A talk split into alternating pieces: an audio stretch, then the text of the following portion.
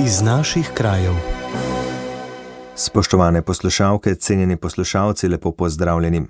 V tokratni oddaji iz naših krajev bomo poročali o novem biotehnološkem stičišču, pridobitvi dodatnih prostorov osnovne šole 4 v Murski soboti, vojaškem strelišču v Apačah, razširjenosti divjadi in zveri na Gorenskem ter razvoju vinogradništva in turizma v Halozah. Vabljeni k poslušanju. Radio ognišče v vašem kraju. V Ljubljani so odprli biotehnološko stičišče Nacionalnega inštituta za biologijo. To omogoča širitev raziskovalnih področji in pomeni bistveno izboljšane pogoje za izvajanje raziskav, ki se osredotočajo na okolje, onesnaževanje, podnebne spremembe, biotehnologijo, zagotavljanje zdrave in varne hrane ter zdravja rastlin, živali in ljudi. Gradnja biotehnološkega središča je po dolgoletnih prizadevanjih stekla poleti leta 2021. Prva etapa gradnje se je končala jeseni 2022, ko so se v stavbo preselili nekateri oddelki za različne vede biologije. Lansko jesen, ko sta bila gradnja in opremljanje stavbe v celoti zaključena, so se vanjo preselili še oddelek za raziskave organizmov in ekosistemov ter skupne službe. Direktorica Inštituta za biologijo Maja Ravnikar je o novi pridobitvi dejala.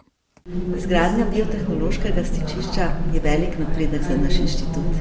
Omogočil nam bo ekscelentne raziskave, umestitev nove opreme v to infrastrukturo, nadaljevanje sodelovanja tako mednarodnega kot za državno pravo in podjetij, pa tudi možnost obiska raziskovalcev bistveno večja.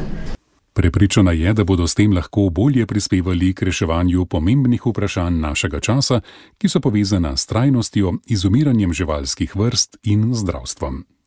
Slovesnega odprtja se je udeležil tudi minister za visoko šolstvo, znanost in inovacije Igor Papič. O pomenu novih prostorov in opreme je dejal. Torej, nova stavba Nacionalnega inštituta za biologijo predstavlja izredno pomemben Eh, napredek pri eh, teh materialnih pogojih. Eh, gotovo vsi vemo, če imamo ustrezne prostore za raziskave in pa še bolj pomembno, ustrezno raziskovalno opremo, je seveda potem delovanje raziskovalcev bistveno lažje in pa bolj učinkovito. Minister je ob tem povdaril tudi, da središče predstavlja začetek vala inovacij na znanstveno-raziskovalnem področju v Sloveniji, ki jih načrtujejo in znašajo okoli 500 milijonov evrov. Kot je dejal, so prvič na ministerstvu pripravili tudi strategijo ozelenitve raziskovalne infrastrukture, v katero bodo investirali približno 2 milijardi evrov. Dejal je, da želijo bistveno izboljšanje financiranja znanosti in visokega šolstva. Prostori in raziskovalna oprema biotehnološkega stičišča so na voljo tudi morski biološki postaji Piran. Investicija je skupaj obsegala 36 milijonov evrov, od tega je 80 odstotkov evropskih kohezijskih sredstev, 20 odstotkov pa sredstev iz državnega proračuna. Kot poudarjajo na Nacionalnem inštitutu, novi prostori in laboratoriji omogočajo poleg raziskovalnega dela tudi organizacijo specializiranih strokovnih izobraževanj na mednarodni ravni. Evropska komisija je biotehnološko stičišče prepoznala kot vzorčni projekt, ki bo Nacionalnemu inštitutu za biologijo omogočal razvojni pospešek doma in v regiji. Na otvoritvenem dogodku so podelili tudi nagrade Miroslava Zeja, poimenovane po enem od ustanoviteljev inštituta. Veliko nagrado za življensko delo je prijela Meta Virant Doberlet. Nagrado za izjemni prispevek na področju dejavnosti inštituta je prejela Magda Tušek Žnidarič. Nagrado za izjemne znanstveno-raziskovalne ali razvojne dosežke v zadnjih petih letih na področju dejavnosti inštituta je prejela Maja Čemažar. Nagrado Miroslava Zaja za izjemno doktorsko delo pa so prejele Ana Fortič, Anja Pecman in Bernarda Majc. Radio ognišče v vašem kraju. V Apačah v občini Kidričevo bo slovenska vojska začela obnavljati vojaško strelišče. Namenjeno bo rednim urjanjem vojakov celotne vzhodne Slovenije, policijskim urjanjem in tudi urjanjem lovskih družin. Potem, ko je Ministrstvo za obrambo projekt predstavilo sosednji občini Viden pri Ptuju, pa tamkajšnji župan Brane Kolednik opozarja, da strelišče ne sodi v to okolje. Kot je pojasnil, bo vplivalo na kakovost življenja ljudi na širšem območju in ne le tam, kjer stoji. Jaz pač mislim, da imamo v Sloveniji, če že moramo imeti strelišča, lahko na nekaterih drugih lokacijah, ki so daleč stran od nekega bivalnega območja. Ne. Vem, po eni strani si gremo ne vem kakšnih koli naravo varstvenikov, pa ne. E, potem pa mi nekdo prepričuje, da pa strelišče pa je, je čist varno. Ljudje v Halozah bi želeli poseliti, ne. kar kakorkoli tistem delo. Pride nekdo, začne, želimo turizem, zdaj pa to celi dan poslušaš. Najmanj kaj je, ne, to se pravi, kar takšna infrastruktura povzroči, ne, treba je narediti nove poti, ker se sploh ljudje, ki so se gibali, zdaj nekako sproščajo prosto, se morajo teh stvari izogibati. Prihaja lahko do požarov. Moramo imeti, mene bojo potem gasilci, ki so kot neke sosedna, ja, rabimo takšno vozilo. To, to se pravi, to vse leti na naš neke vrste posledično proračun. Ko bo enkrat zgradile, ne, nas potem več noben ne posluša. Ne. Napovedal je, da bo občane obvestil o načrtih ministerstva. Da bi dobil širšo sliko vseh vplivov, se bo povezal še z županom občine Pivke, ki je v podobnem položaju, saj je sosednja občina Postojna, kjer je vadbišče Poček. Najmanj, kar pričakujemo, pa je, da bi potem vojska urejala ostalo infrastrukturo, ki jo bo uporabljala, je še dejal župan občine Viden pri Ptuju Brane Koletnik. Prispevek sem za vas pripravila, sestra Mita Potočnik. Radio ognišče v vašem kraju. Osnovna šola 4 v Murski soboti, ki je namenjena pouku s prilagojenim programom, je v preteklih dneh dobila novo zgrajeni prizidek. Del tega je novo učno stanovanje in štiri učilnice z najsodobnejšo opremo, povečali so tudi jedilnico. To so učilnice za vsak dan, za vsak dan s specifičnim pohištvom, eh, izdelana linija pohištva po naročilu, da je zelo variabilno pohištvo, tudi stolčki, eni pač enih par stolčkov je takih, da zagotavljajo vedenskim čustvenim tým otrokom, voľali eh, pač tým hyperkinetičným otrokom, tudi pač eno sproščanje. Eh, opremljeno je vse sodobnimi etablami, pohištvom, skratka, materialni pogoji so v teh učilnicah 100% izpolnjeni. Je pojasnila ravnateljica Jana Grah in dodala, da je najpomembnejša pridobitev zagotovo učno stanovanje, ki ga doslej niso imeli. Omenjeno osnovno šolo s prilagojenim programom trenutno obiskuje 157 učencev, ki prihajajo iz vseh 25 občin Pomurja, Terpivke in Svete Trojice. Vsako leto lahko v zadnjih desetih letih z gotovostjo povemo, da med 20 do 25 učencev se je povečalo število teh naših. Torej, res deset let nazaj je bilo mogoče do 100 učencev tukaj, danes jih štejemo že 157. K nam se učenci vključujejo tudi tekom šolskega leta, odvisno od tega, kako starši dejansko se odločijo za usmerjanje, kako tečejo postopki. To so tudi različne bolezni ali stanja po boleznih, ki pridejo k nam. Ne? kar štejem še za veliko pomanjkljivost regije, je pomanjkanje socialno-varstvenega zavoda. Torej, najbližji socialno-varstveni zavod, ki nudi celodnevno ali celoterensko skrbo, je v Dornavi, kar je za naše učence izredno predaleč, pa za njihove starše. Ne? In vsak učenec ima pravico, da se šola v domačem okolju, da preživlja čas v domačem okolju, ker njegov cilj življenja je verjetno tudi ta, da bo ostal v domačem okolju. Ne?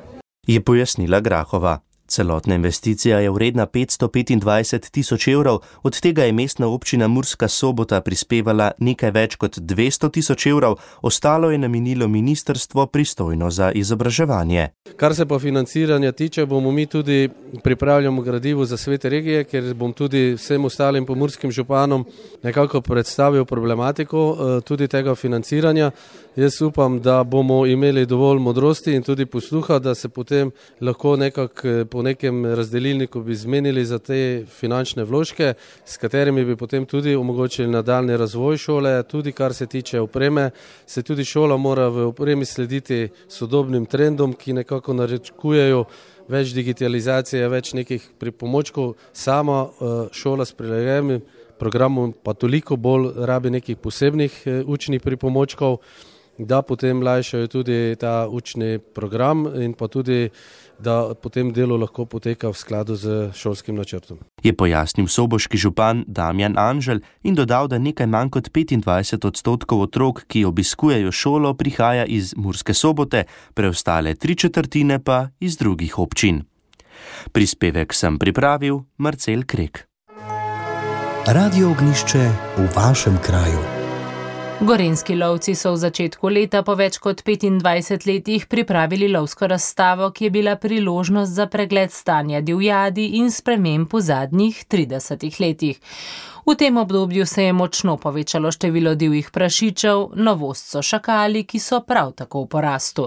Te spremembe pa skupaj s pritiski obiskovalcev slabšajo pogoje za srnjat. Vemo, da se naše okolje zelo hitro spreminja, da prihaja tako do globalnih kot lokalnih sprememb. Globalno vemo, da se pač stvari segrevajo in s tem se tudi spreminja jo spremenja živalski svet. En zelo tipična živalska vrsta, ki je odreagirala najbolj na te spremembe, je šakal, ki ga na Gorenskem nismo poznali šele zadnjih pet, nekaj več let, to se pravi, prvi šakal je bil opažen in pa tudi potem povožen, v bistvu leta dva tisoč sedemnajst.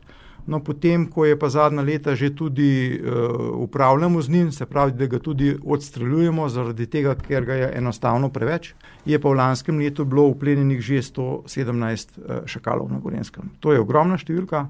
Je pojasnil predsednik Gorenskega območnega združenja upravljavcev lovišč Andrej Avsenek.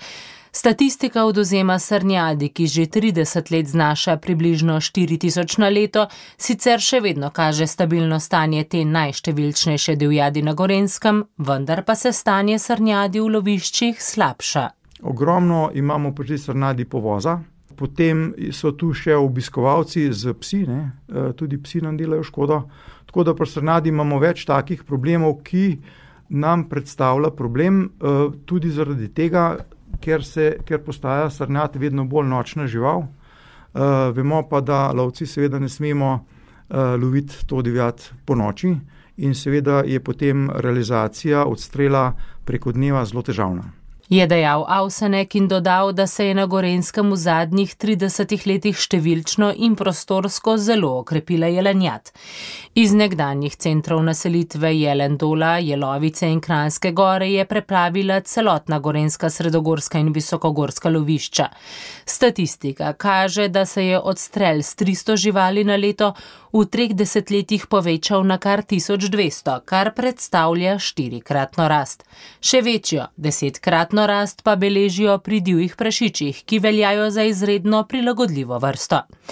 Starešina lovske družine Jezersko in podpredsednik Zveze lovskih družin Gorenske Mitja Čepin je opozoril, da bi država morala slediti dejanskemu stanju, tako pa je z zakoni in pravilniki desetletja v zaostanku. Mi največje spremembe, ki bi si jih želeli, so to, da bi dejansko država s svojimi eh, zakonskimi akti sledila eh, dejanskemu stanju eh, v praksi, ki se dogaja vsakodnevno in nam s tem v bistvu pomogla in olajšala naše vsakdanje delo. Zdaj se pa dogaja, da, da smo v bistvu eh, s tem, kaj mi lahko počnemo, pa tisto, kar bi morali početi, mogoče tudi eh, nekaj let v zaostanku, ali pa da ne rečem pri kakšnih stvarih tudi desetletja v zaostanku in sami pravilniki in tudi zakoni in podzakonskimi akti. So pravila eh, toga, sploh kar se tiče nočnega lova, ne, mi vemo, da po zadnjem zakonu v bolezni APK pri divjih prašičih smo lovci lahko začeli dobivati dovoljenja za nabavo nočne optike in to veliko lovcev že uporablja pri lovi samih divjih prašičev, tako da ne vidimo nobenih večjih ovir, da bi se to lahko razširilo tudi pri lovu za ostalo divjad, predvsem na tistih interventnih uh, področjih, kjer so velike škode, um, bi se lahko tudi to, druga divjad v bistvu lovila na, na enak način. Je dejal Čepin in dodal, da bi to na eni strani olajšalo delo lovcem, na drugi pa izboljšalo tudi položaj kmetov. Prispevek sem prebrala, Manca Hribar. Radio ognišče v vašem kraju. Turizem v Halozah se postopno ustrajno razvija tudi s pomočjo aktivnosti lokalne akcijske skupine Haloze, v katero je vključenih več kot 90 članov iz šestih haloških občin. Njeno vodenje je prevzel Gorast Šeruga, ki si želi. Čim več razvoja na področju vinogradništva, kmetijstva, samo skrbe oziroma turističnih ponudnikov na območju Halos privabiti domače in tuje goste v Haloze, ponuditi uh, različne vrste turizma, od ribiškega, kolesarstva, športnega, ne vem, ostalega turizma, nastanitvenih objektov in tako dalje. No. V šestih haloških občinah, Zavrč, Cirkulane, Videm, Podlehnik, Žetale in Majšprk, so imeli leta 2021 približno 190 registriranih ležišč, že leto pozneje pa 300. Leta 2022 je v Halozah prenočilo nekaj več kot 15 tisoč turistov, kar je 3 tisoč več kot leto prej.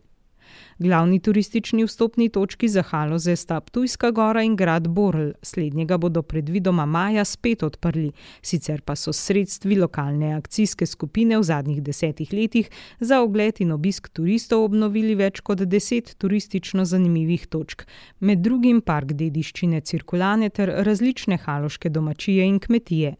Za Haloze je zanimiv tudi avtodomarski turizem. V podlehniku so tako lani vzpostavili postajališče za avtodome.